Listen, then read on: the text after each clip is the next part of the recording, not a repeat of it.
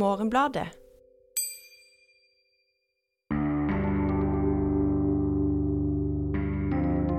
Ja, og det blir en masse, og det blir et sted som du kanskje eh, kan føle deg litt sånn skitten av å være i. Eh, at du måtte føle nesten at du Det kan jeg i hvert fall jeg tenke. Noen ganger så ser jeg jo eh, serier, eh, jeg også.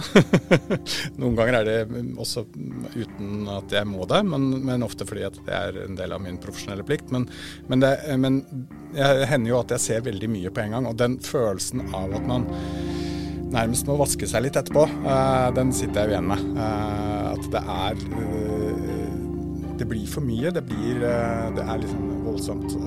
Hallo, og hjertelig velkommen det... til Morgenbladets film- og TV-podkast. Mitt navn er Elise Dybvik. Jeg er kulturjournalist i avisen og sitter her sammen med kritiker Aksel Kielland og filmkritiker Ulrik Eriksen. Hei.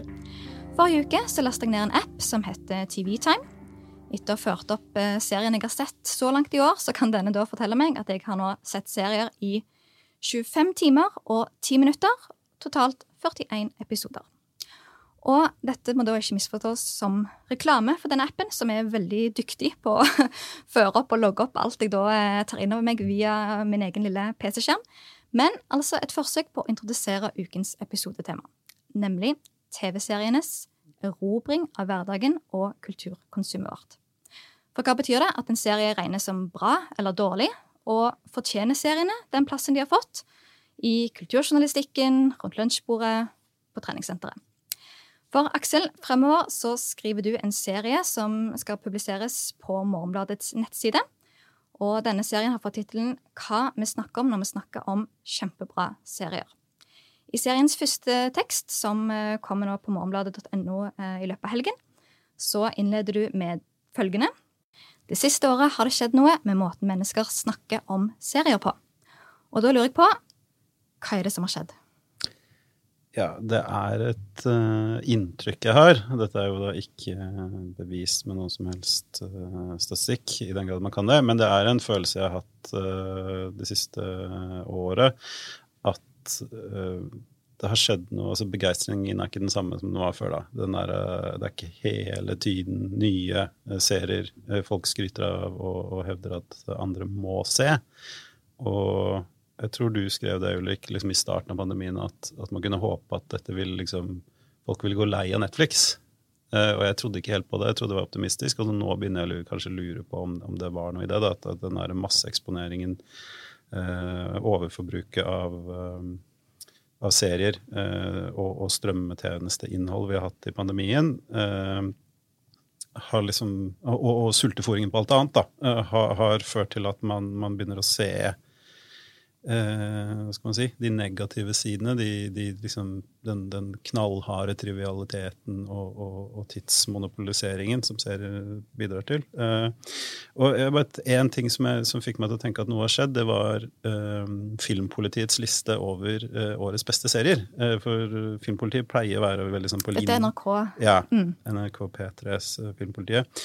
Pleier å være veldig liksom, på linje med, med folket i sine, i sine listelaging og, og, og anmeldelser. Uh, og de trakk fram en serie jeg ikke hadde hørt om før. Uh, hva heter den? League of, Arcane League of Legends, som jeg heller ikke har sett mange andre trekke fram. Og da har det på en måte skjedd noe. Det er et tegn på at det har skjedd noe. Det kan selvfølgelig kanskje bare ha skjedd med Filmpolitiet, men det har skjedd noe med Eh, med, med seriefeltet at det ikke er noen klar konsensus om hva som var den beste serien i fjor. Hva var den største serien i fjor? Du har ikke lenger noen uh, Game of Thrones, du har ikke lenger noen uh, Ja, du hadde kanskje en Mandalorian, jeg husker ikke helt. Men én ting som har karakterisert uh, den tiden vi har vært gjennom nå, de siste to tiårene, er at kritikere og folk har vært veldig på linje. Altså på en måte de ikke lenger er innen, innen film kritikere og publikum liker de samme seriene, stort sett. Uh, mens nå har dette et eksempel på at liksom, kanskje her begynner kritikerne å, å uh, finne seg liksom andre og smalere serier. Da. Uh, eller at det ikke er noe dominerende. Kan jeg bare skyte inn noe? for det, Apropos det jeg skrev, så uh, der skrev jeg bl.a. at jeg, jeg, jeg ville ikke hamstret Netflix-aksjer. Det skrev jeg da i april, april 2020. Og så sjekket jeg Netflix-aksjene nå.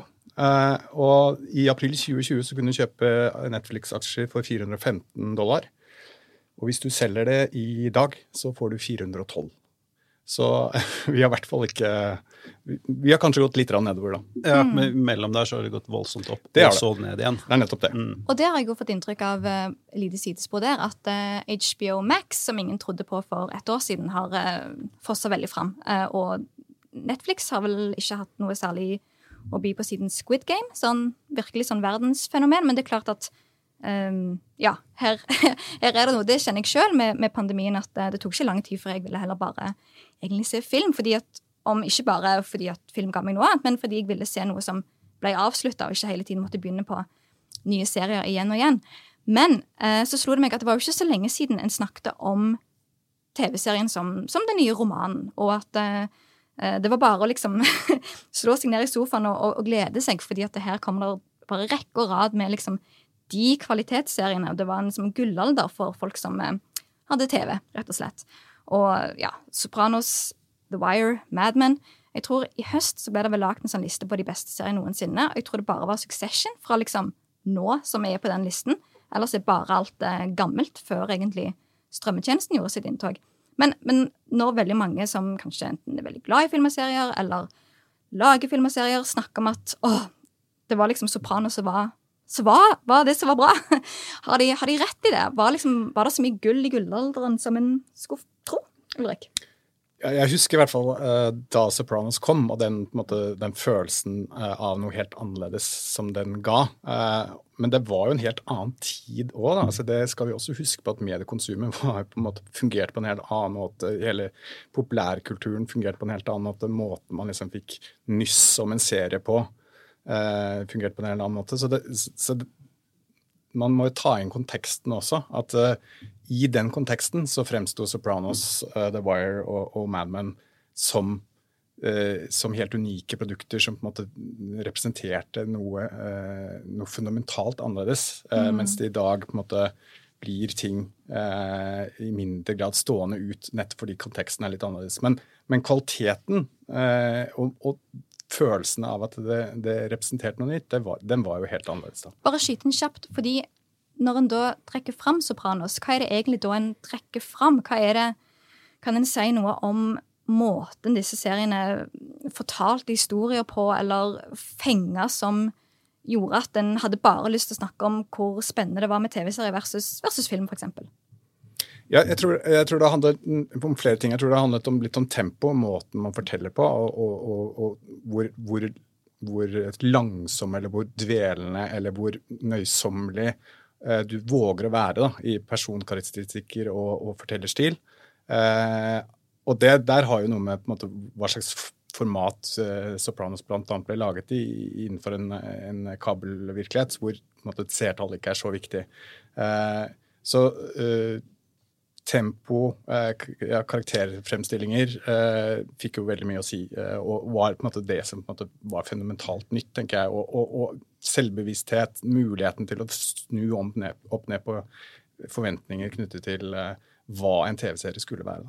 Ja, men det er også det at du må tenke at Sopranos starta jo som en TV-serie. Det var en, en HBO-serie, en kabelserie, men gjennom hele dens levetid så gikk den på TV. Den kom jo med en episode i uka, og så på et eller annet tidspunkt så begynte disse å komme på DVD. Eh, og altså, det viktige liksom, med gullalderen er at det var en tid da TV overskred seg selv. TV-serier overskred seg selv. Og en viktig del av det var um, DVD-utgivelser og senere piratnedlasting, som gjorde at folk da kunne se hele serien. At de måtte ikke sitte og vente en uke.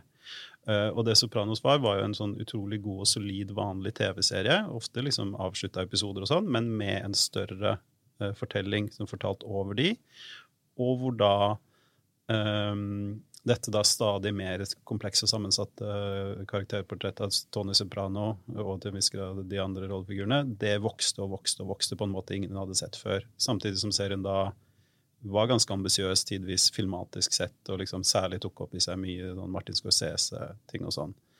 Uh, Ja, for det var en sånn, eh, det kom en bok om, eh, ny bok om HBO sin utvikling rett før jul, og veldig interessant hvordan de i starten virkelig sliter med å få um, film, filmfolk til å komme og jobbe for dem, helt i starten. Og at en må bare ta, nøye seg med liksom avdanka filmstjerner, fordi at ingen vil ha noe med TV uh, å gjøre. Mens i dag så er det jo Eller i hvert fall gullæren gjorde det veldig tydelig at det, kom, kom til TV, så får du gode roller og spennende tematikk da, å bryne deg på. Ja, men altså, altså, bare et poeng her om den gullaldertanken og den gullalderglorifiseringen vi driver med i dag. jeg også driver med den, det, er, det handler veldig mye om det at TV eh, ble mer enn altså det var en, det var en uh, bransjen, både liksom kommersielle bransjen og, og, de som lagde TV, uh, dro i samme retning i omtrent et tiår. Uh, Sopranos begynte i 99.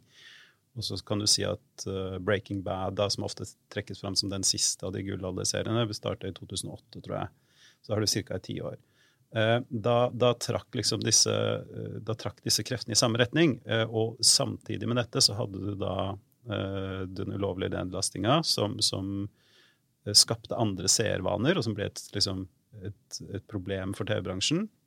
Og som da etablerte de seervanene vi har i dag, som strømmetjenestene liksom ble eh, basert på. Så, så det, hovedsaken med gullalderen er at TV ble noe mer. Uh, selv om man det skal sies at sånn som Wire og Sopranos er jo fortsatt veldig gode serier. Fortsatt både kjempegodt TV-håndverk og Eh, og liksom eh, god historiefortelling i langformat. Og hvis en da Jeg føler at en kan jo være Alle er vel enige da om at eh, gullalderen den er over, hvis det var Hvis en kan snakke om en gullalder. Og nå er vi da i vet ikke, strømæraen. Um, ja. Og må, må ofre i en slags strømmekrig, der det skal jaktes på både nytt innhold hele tiden og nye abonnenter. Ja. Og så har jeg eh, lenge, og det merker jeg jo bare i bybildet, hvor mye reklame det er for strømmetjenester overalt. Ja, og det, det er noe vi ikke hadde før for jeg vet ikke, fire år siden. omtrent. Fire-fem år siden. Jeg tror det var med pandemien jeg ble sjokkert over å se en ja. HBO-reklame på at, eller, Ja, men det føltes som en sånn ting det man bare hadde sett på bilder fra USA, omtrent. Ja. ja. Så, så, jeg lurer litt sånn på, på Ulrik, hva, hva har, har, vi nå, da, hvis vi ikke har Sopranos? Nei, nå har vi på en måte, ja, nå har vi strømmeselskapene. Det er jo egentlig litt det vi har. Altså, vi har strømselskaper strømmeselskaper som konkurrerer noe voldsomt eh, med hverandre. Eh, og de konkurrerer om din tid, og, og, måten de gjør det på, er å på en måte pøse på med innhold. og man søker på en måte fremstå som den som på en måte kan fylle hele din tid. du trenger ikke noen annen strømmetjeneste enn oss. Det er på en måte det som er eh, credoet, eh, eller det de prøver å på en måte formidle. Og, og si at du er sikret. Hvis du tar et abonnement med oss, så kan vi på en måte, vi fyller din hverdag og din og fest. Barna dines. Og barna dines hverdag uh, uten problemer. Vi har så mye å tilby. Uh, så det er på en måte der vi er nå. Det, og det er jo kampen om tiden det dreier seg om dette. Det er forretningsmodellen. Prøve å fange din oppmerksomhet uh, mest mulig. Og for en lavest mulig pris for dem selv, da, selvfølgelig.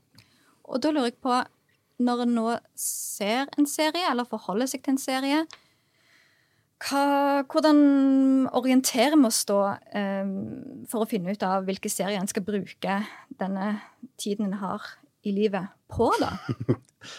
Nei, det er jo vanskelig, da, å finne ut Altså, det har jo blitt Den, den samtalen om serier har jo på et eller annet tidspunkt slutta å, å distingvere mellom det som er genuint liksom nytt og annerledes, eller det som er nærmere det vi liksom ligger nærmere den kvaliteten vi finner i film, og det som bare er underholdende. Det som bare er lett å se.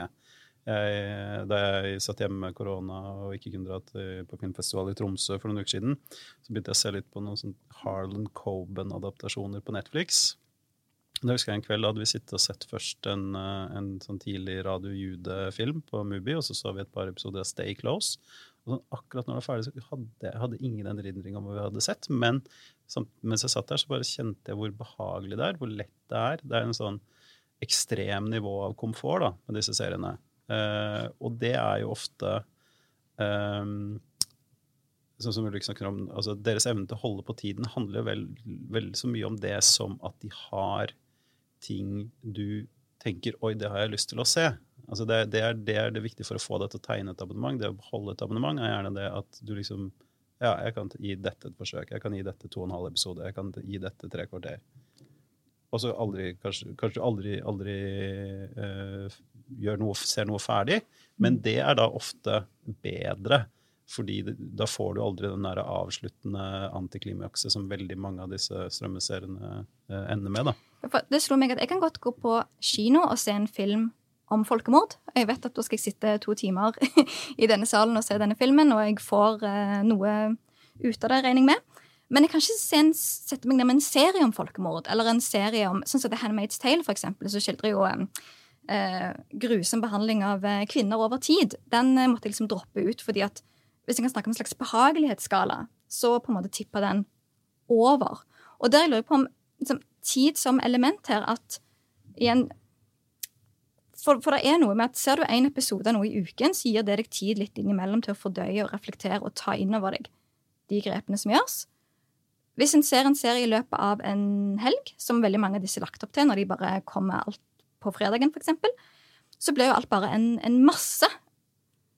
Ja, og det blir en masse, og det blir et sted som du kanskje eh, kan føle deg litt sånn eh, skitten av å være i. Uh, at du måtte føle nesten at du Det kan i hvert fall jeg tenke. tenke. Noen ganger så ser jeg jo eh, serier, uh, jeg også. Noen ganger er det også uten at jeg må det, men, men, ofte fordi at det er en del av min profesjonelle plikt. Men, men det men jeg hender jo at jeg ser veldig mye på en gang, og den følelsen av at man nærmest må vaske seg litt etterpå, uh, den sitter jeg igjen med. Uh, at det er uh, Det blir for mye. Det blir Det er liksom voldsomt. og det der er jo selvfølgelig seriene helt fundamentalt annerledes enn det å se på film. Jeg tror at noe som også er viktig å ta med her, er liksom hvordan kino, i hvert fall kinofilmen er tenkt at du skal ses. da, at du, måte, Når du sier, sier, at du kunne tenkt deg å se et, eh, en film om folkemord i en kinofilm, så har det også noe med hvor du ser den, og hvordan du ser den. I en kinosal, eh, fokusert. Du vet at du skal være der innen en viss tid, og så skal du ut igjen. og Du er gjerne kanskje litt sammen med noen andre. Du har på en måte en, en innstilling i forhold til det, den opplevelsen og det kulturelle produktet som er helt annerledes enn når man sitter eh, hjemme i din egen sofa og på en måte eh, får ting servert. Um, så det, det, er noe fundamentalt annerledes der som endrer både på en måte måten du opplever det, men også hva du er innstilt på uh, og, og, tåler. da. Ja, og en ting som skjedde um, tidlig i den gullalderen, da, er jo da DVD-boksene kom, ulovlige nedlastninger kom. Det muliggjorde den uh, såkalte binge-watchingen, serieslukinga. Uh, og det var jo da eh, For de fleste så var jo dette liksom en ny opplevelse. liksom sånn, Oi, du trenger ikke å sitte og vente, du kan liksom bare se enda en til og enda en til. Og det var en sånn um, det var en overskridelse der da, som, som var ganske sånn lystbetont. og litt sånn uh, Være oppe hele natta som barn, spise, spise kake til frokost. liksom. Det var en sånn uh, Jøss, nå gjør vi det. Uh, men så, uh, etter at strømmetjenesten liksom kodifiserte denne liksom piratnedlastingspublikumsmodusen, så, så, har det blitt liksom bakt inn i modellen. Det er det vi gjør. Og, og selv om liksom veldig mange av strømmeseriene de er ingenting liksom, de er ikke på noe høyere nivå enn en, en TV-serien, en vanlig kommersielle TV-serie vi hadde på 90-tallet, så har den der ideen om at dette er liksom hva skal man si, eh, intellektuelle kvalitet, eh, ekvivalenten av tomme kalorier, den har liksom helt forsvunnet. Det, vi pleide å eksistere liksom en sånn fordom og skepsis i samfunnet mot, mot TV-underholdning, som, som, i dag er fullstendig borte, da. Men som jeg har en litt sånn følelse av at det er i ferd med å komme tilbake. Mm, jeg kom på bare at jeg vokste opp eh, på 80-tallet og, og, og um, hadde bare NRK. Og det vi så på da av TV-underholdning i denne sjangeren her, det var jo Falcon Crest og, og Dynasti, og det ble sendt en gang i uken. Så det var en, på en måte en dosering Mm. fra allmennkringkasteren. En, en, rasjonering som på en måte kanskje er passe. Kanskje er det, eh, er det der vi skal ligge. I En episode i uken. Eh, så, så på en måte får du eh, nok. Og, men det jeg lurer på da, rent sånn som kontrollspørsmål, er det noe forskjell på å komme hjem fra skole eller jobb og sette på TV-en og sitte der noen timer, og komme hjem fra skole og TV, skole og TV, skole og jobb og sette på Netflix og sitte der noen timer? Eller jeg bare tenker liksom at Og, og der vet jeg jo, hvis en tenker hvordan en bruker serier versus hvordan en bruker film, at eh, mitt inntrykk er at eh, TV-serier gjerne tar, har litt samme funksjon som radio eller podkast. Du setter det på, og så strikker du, rydder, tegner, lager mat, spiser. Og så har en Det merker jeg sjøl, at skal jeg se noe eller skal jeg lese noe som krever litt av meg, så må jeg vente til helgen, for eksempel, fordi at jeg har ikke det overskuddet i, i Ja, og det er jo derfor man ofte går inn i en kinosal, da. Og at kinosalen ser ut som den gjør, at den eliminerer distraksjoner. Den, den, det er visse liksom, sosiale normer der inne som, gjør, som hindrer deg å, å, sitte for mye på mobilen i å liksom, vandre rundt og sånn. Det er jo det er jo veldig fundamentalt for hvordan film kommuniserer. Mens TV, som, som du da sier, er jo tilpassa denne liksom distraherte modusen du har hjemme i ditt eget hjem. Og det som har skjedd nå, uh, når du fikk strømmetjenestene og alt er liksom on demand, og i økende grad så er jo TV-kanaler det også. Det er jo mer av et sånt uh, Du kan jo velge mer hva du vil se om du ser på en TV-kanal òg. Så er det jo det der at Uh, en, en, film stopper og starter, du vet hvor lenge den varer. Mens med TV så, så, kanskje du har tenkt å se to episoder. Da er det så komfortabelt å se at du kanskje ser fire. Den der utflytende dimensjonen, da. Mm. For det er veldig fascinerende hvordan det noen kvelder kan virke helt umulig å skulle sette seg ned og se en to timer lang film. Men eh, seks episoder av noe som varer i 30 minutter per episode, det går helt mm. fint. så, så sier jo kanskje litt om Um, igjen så tror jeg det er noe med denne innstillingen at en film betyr å investere seg i noe helt nytt, der du kanskje blir skuffa. Mens hvis det er en episode av Seinfeld eller en episode av um, uh, Parks Recreation, så vet du at uh, her er det behagelig og et fint sted å være. Og der kan jeg godt være den neste halvtimen. Det, det, er greit, jeg vet hva jeg får. Og så ja, så er ambisjonene ofte lavere, da. Altså, du, mm. altså, altså kommuniserer til deg at du skal ikke vente deg for mye, og da blir du heller ikke skuffa. Mm. Altså, på samme måte. Altså, det, det, vil, det, det, vil jeg si det gjelder de aller fleste, er veldig mye mer kritisk når de har sett en dårlig film, enn hvis de har sett en dårlig TV-serie.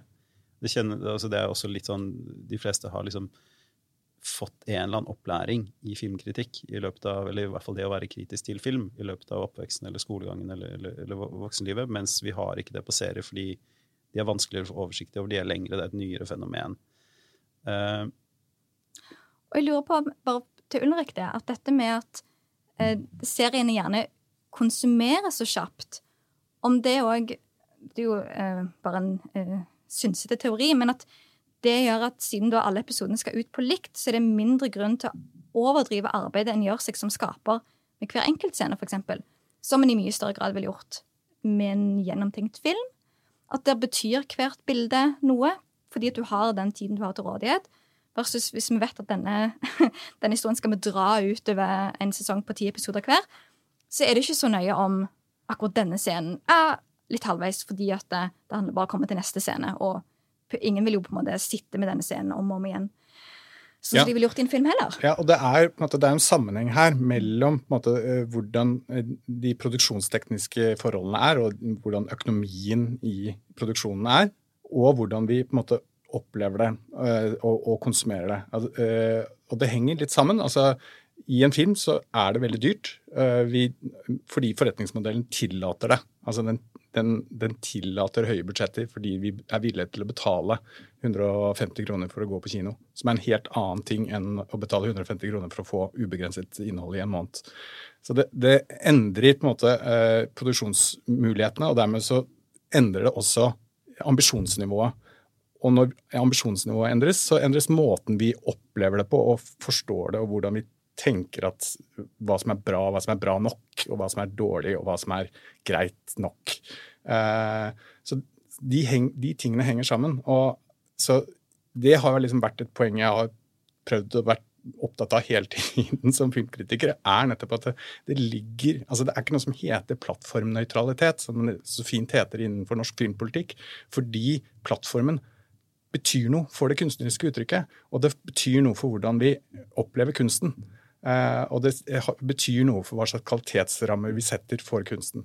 Så det, det får konsekvenser utenfor på en måte, det blir følgefeil. da, Eller det, det Ja. setter noen rammer som på en måte er- endrer måten vi, vi, vi tenker om kunst på. Og det er ofte da et skille mellom kunst og underholdning. Altså, det er en definerende, Plattformen definerer ofte hva, hva noe faller ned på, da. Ja, for bare at Når f.eks. Norsk Filminstitutt snakker om plattformnøytralitet, hva snakker de om da? At uh, det betyr ikke noe hvor det ender opp? Fordi Ja, de, Bak der så ligger det en eller annen sånn teknologioptimistisk eh, Mm. forestilling om at eh, måte, formatet eh, ikke har noe å si, mm. og at det eneste som betyr noe, er på en måte eh, at man når flest mulig. Eh, og måten man når det, er, er på en måte, der kan teknologien eh, hjelpe oss til å nå enda flere på en enda billigere måte. Det er liksom kongstanken bak eh, plattformnøytraliteten. Men bak det så ligger det jo noen ideologiske føringer om hva er det vi egentlig vil ha. Hva er det vi ønsker å oppnå med dette? Ønsker vi bare å på en måte produsere noe som eh, gir eh, litt underholdning til folk? Og mest mulig for mest, færrest mulig kroner? Eller ønsker vi faktisk å produsere et eller annet som en har en eller annen eh, slagkraft, noe kunstnerisk interessant, noe som på en måte sitter igjen? eh, og er villig til å betale for det. Og da kan man ikke snakke om plattformnøytralitet. Det er mitt poeng. At man må da tenke liksom ok, da, da har forretningsmodellen noe å si. Da har måten vi opplever det på, hvilket rom vi ser det i, det har noe å si. Og hvilket format det er i. Om det er to timer langt, eller om det er 40 timer langt. Og det skal også sies at det manifestet NFI kom med i fjor, hvor de, hvor de liksom la fram eh, dette, så hadde de også en punkt der om at kanskje kunstig intelligens kan være med å lage uh, dette plattformnøytrale innholdet. Så det er, det er en grenseløs optimisme uh, der nede. Ja. Og så er det en livreddhet for å miste ungdommen eh, som også ligger bak her. Eh, og den ser vi ikke så mye av nå lenger. Men jeg, leste igjen filmmeldingen, eller bladde igjennom filmmeldingen fra 2015. Og det som går igjen der, er liksom den frykten for at vi mister en generasjon nå. Hvis vi ikke hopper på dette. Alle, det er jo ingen ungdommer som går på kino lenger. Det, er noen gammeldagse greier. Eh, så den redselen for å miste ungdommen, den har også ligget bak her som en sånn derre og den ligger ofte bak all sånn teknologioptimisme, tenker jeg. da, at det, altså Frykten for å falle av, frykten for ikke være med, eh, den er veldig sterk. da. Og så er det et punkt der Jeg husker ikke, jeg leste en overskrift for uh, en tid tilbake. Jeg lurer på om det muligens var The Ankler, det nyhetsbrevet du har skrevet uh, litt om, Lise. Yeah. Uh, men det var eh, What if streaming never makes money? Eh, fordi strømmebransjen sånn som, sånn som de er bygd opp, altså Netflix tjener ikke penger. Det er viktig å huske. Netflix er liksom, de, de genererer voldsomme inntekter, og de, og de bruker enorme mengder penger, men måten det går rundt på, er at de får stadig nye eh, sånn eh, venture capital-injiseringer av penger, med tanke på at på et eller annet tidspunkt så, så vil de bli så store at de blir sånn, altså de blir Amazon da, for, for strømmemarkedet. Eh, men så, så da er det jo klart at en av strømmetendensenes viktigste inntektskilder blir jo da sånn som NFI, altså nasjonalstater, som bare kan pøse penger inn for å få liksom et liten uh, fot innenfor døra, og liksom språkområde for, for, eller hva heter det, språket for, for eh, et fotfeste, og tilstedeværelse i offentligheten og sånn. Så dette er også da perspektiver som må med, og, og som også forstå denne eh, begeistringen som etter hvert har begynt å se strømmetjenestene for eh, lokalt innhold. da. Så hva skal en gjøre? Kan en bare velge å droppe å se serier, og så la de seile sin egen sjø? Eller skal en få et nytt ordforråd og nye begreper for å snakke om og vurdere serier og hva de gjør med oss? Det siste. Det er, ja, nei, det er det som er poenget med den serien med tekster jeg skriver, er dette med prøve å nyansere begrepsapparatet litt, grann, og snakke mer presist på måten TV-serier er bra på, måten versus film og versus litteratur, og, og at ikke alle alle typer kjempebra er hierarkisk likestilte. Um, men en, en, ting som man gjør klokt i å huske, er jo det at um, at strømmetjenestene fungerer jo på samme måte som mobilapper, i det at de hele tiden prøver å foregripe publikums uh, respons og valg. sånn at uh, og der, Jeg tror de fleste har lettere for å tenke at de blir liksom manipulert av en app, enten via gamification eller, eller varslinger eller sånne ting, enn av en strømmetjeneste. men da, han Keri Fukunaga, uh, film- og, og TV-selskaperen som, som uh, regisserte siste Bond-filmen og, og, True Detective og sånn, han hadde noen sånn interessant poeng. Han gjorde noen veldig sånn åpenhjertige intervjuer da han lagde den Netflix-serien Maniac, hvor han, hvor han, fortalte at uh, Netflix bare hadde noen sånne regler. Altså, man kan ikke gjøre det i slutten av tredje siste episode, for da, da, faller, da slår publikum av. Og da sa han bare OK. Altså at det finnes sånne uh, ganske sånne klare regler på plass da, i, som ikke bare går på måten Netflix anbefaler deg neste serie, men som også ligger i serien. Uh, og det er veldig styrende for hvordan disse tingene forteller, og hvordan de haler ut tid. Uh, men som, så, så er jo liksom Vi skal jo ha populærkultur, og det er jo bra at det finnes mye av det. Det er bra at den liksom opererer på liksom tarvelige kommersielle prinsipper, så lenge det kommer noe ut av det. Problemet med liksom, strømmeseriene vi har i dag, er at de, de, er, de, er, skapt for å bli slukt og uh, legge beslag på ekstremt mye tid i et kort spillerom. Altså de, de liksom treffer uh, sosiale medier og, og, og anmeldelsessidene liksom, i løpet av en dag eller to, og så i løpet av en helg så er de ofte liksom borte det er, det er, jo liksom utfordringen, da. Og, og hvordan, hvordan, lager du noe minneverdig eh, som både er, er designa for å, å liksom eh, gli gjennom publikums bevissthet, sånn at de knapt merker det. Skal være så liksom behagelig og, og motstandsløst, og samtidig noe som, for, som er designa for å forsvinne så fort. Da, eller ta høyde for å forsvinne så fort. Det er, det er spørsmålet. Ja, jeg, jeg tenker, ja, Hvem er det som snakker om Squid Game nå? Eh, det er veldig sånn eh, prøve å finne et språk for, eh, for eh, Både for å jeg mener avsløre det. Eh, det er jo litt det man må også gjøre da. For det, det, er jo, det er jo gjennomført, og det er og det er utspekulert. Ja, det er jo ingenting å si på produksjonskvaliteten. Det er ofte fantastiske skuespillere, det er dyktige manusforfattere, men de sitter altså gjerne med et, med et skjema og noen sånne regler da, som de skal følge, og som de følger til punkt og prikke til det eldste. Altså, når er det vendepunktene kommer? Når er det denne eh, overraskende vendingen skal komme? Eh, når skal rollefiguren gjøre det som på en måte er helt uventet? Altså, man, man har noen sånne Eh, satt opp noen sånne skjemaer som eh, jeg tenker både vi som kritikere, men også altså, den kritiske offentligheten og måten vi snakker om TV-serier på, eh, må, bør, vi endre på. Da. Hvis, vi, hvis vi skal kunne forlange eh, en bedre TV-virkelighet, så må vi også måtte snakke bedre om det. Det var nydelig sagt. Så får vi bare håpe at eh, vi dropper litt sånne tanker om uh, disse kriteriene etter hvert som våren skrider fram. Men før vi er over med denne episoden, så skal vi raskt innom noen anbefalinger. Uh, skal vi se Aksel, vil du begynne? Ja. en sånn kjepphest for meg er at når folk sier at de liker å se serier, så mener de Uh, uten at de selv tenker over eller sier det, så mener de bare det nyeste, det mest aggressivt markedsførte uh, som fins på de største strømmetjenestene. Så jeg skal anbefale uh, noen TV-serier fra den liksom gode, gamle sosialdemokratiske allmennkringkasteræraen. Av dramatikeren og Ja, det var jo det han var. Dennis Potter. Uh, den engelske forfatteren som skrev Han er mest kjent for The Singing Detective og Pennies from Heaven. Men han skrev også serier som Nigel Barton, Karaoke, Cold Lazarus. ikke umiddelbart lett å få tak på hvis man er nordmann, men man kan kjøpe en DVD. Kan, jeg tror jeg kan se for meg det er noe bibliotek kan ha. Blant annet. Og hvis man syns det er en høy terskel, så spiller jo det inn i temaet vårt Eh, at eh, det vi tar til oss, er i økende grad det vi liksom har tilgjengelig ved fingerspissene våre. Gratis. Ja, jeg vil gjerne, siden det er OL eh, i Beijing, og Kina er på alles lepper, han har sagt, så vil jeg gjerne anbefale en helt ny bok som heter Red Carpet, Hollywood, China and the Global Battle for Cultural Supremacy.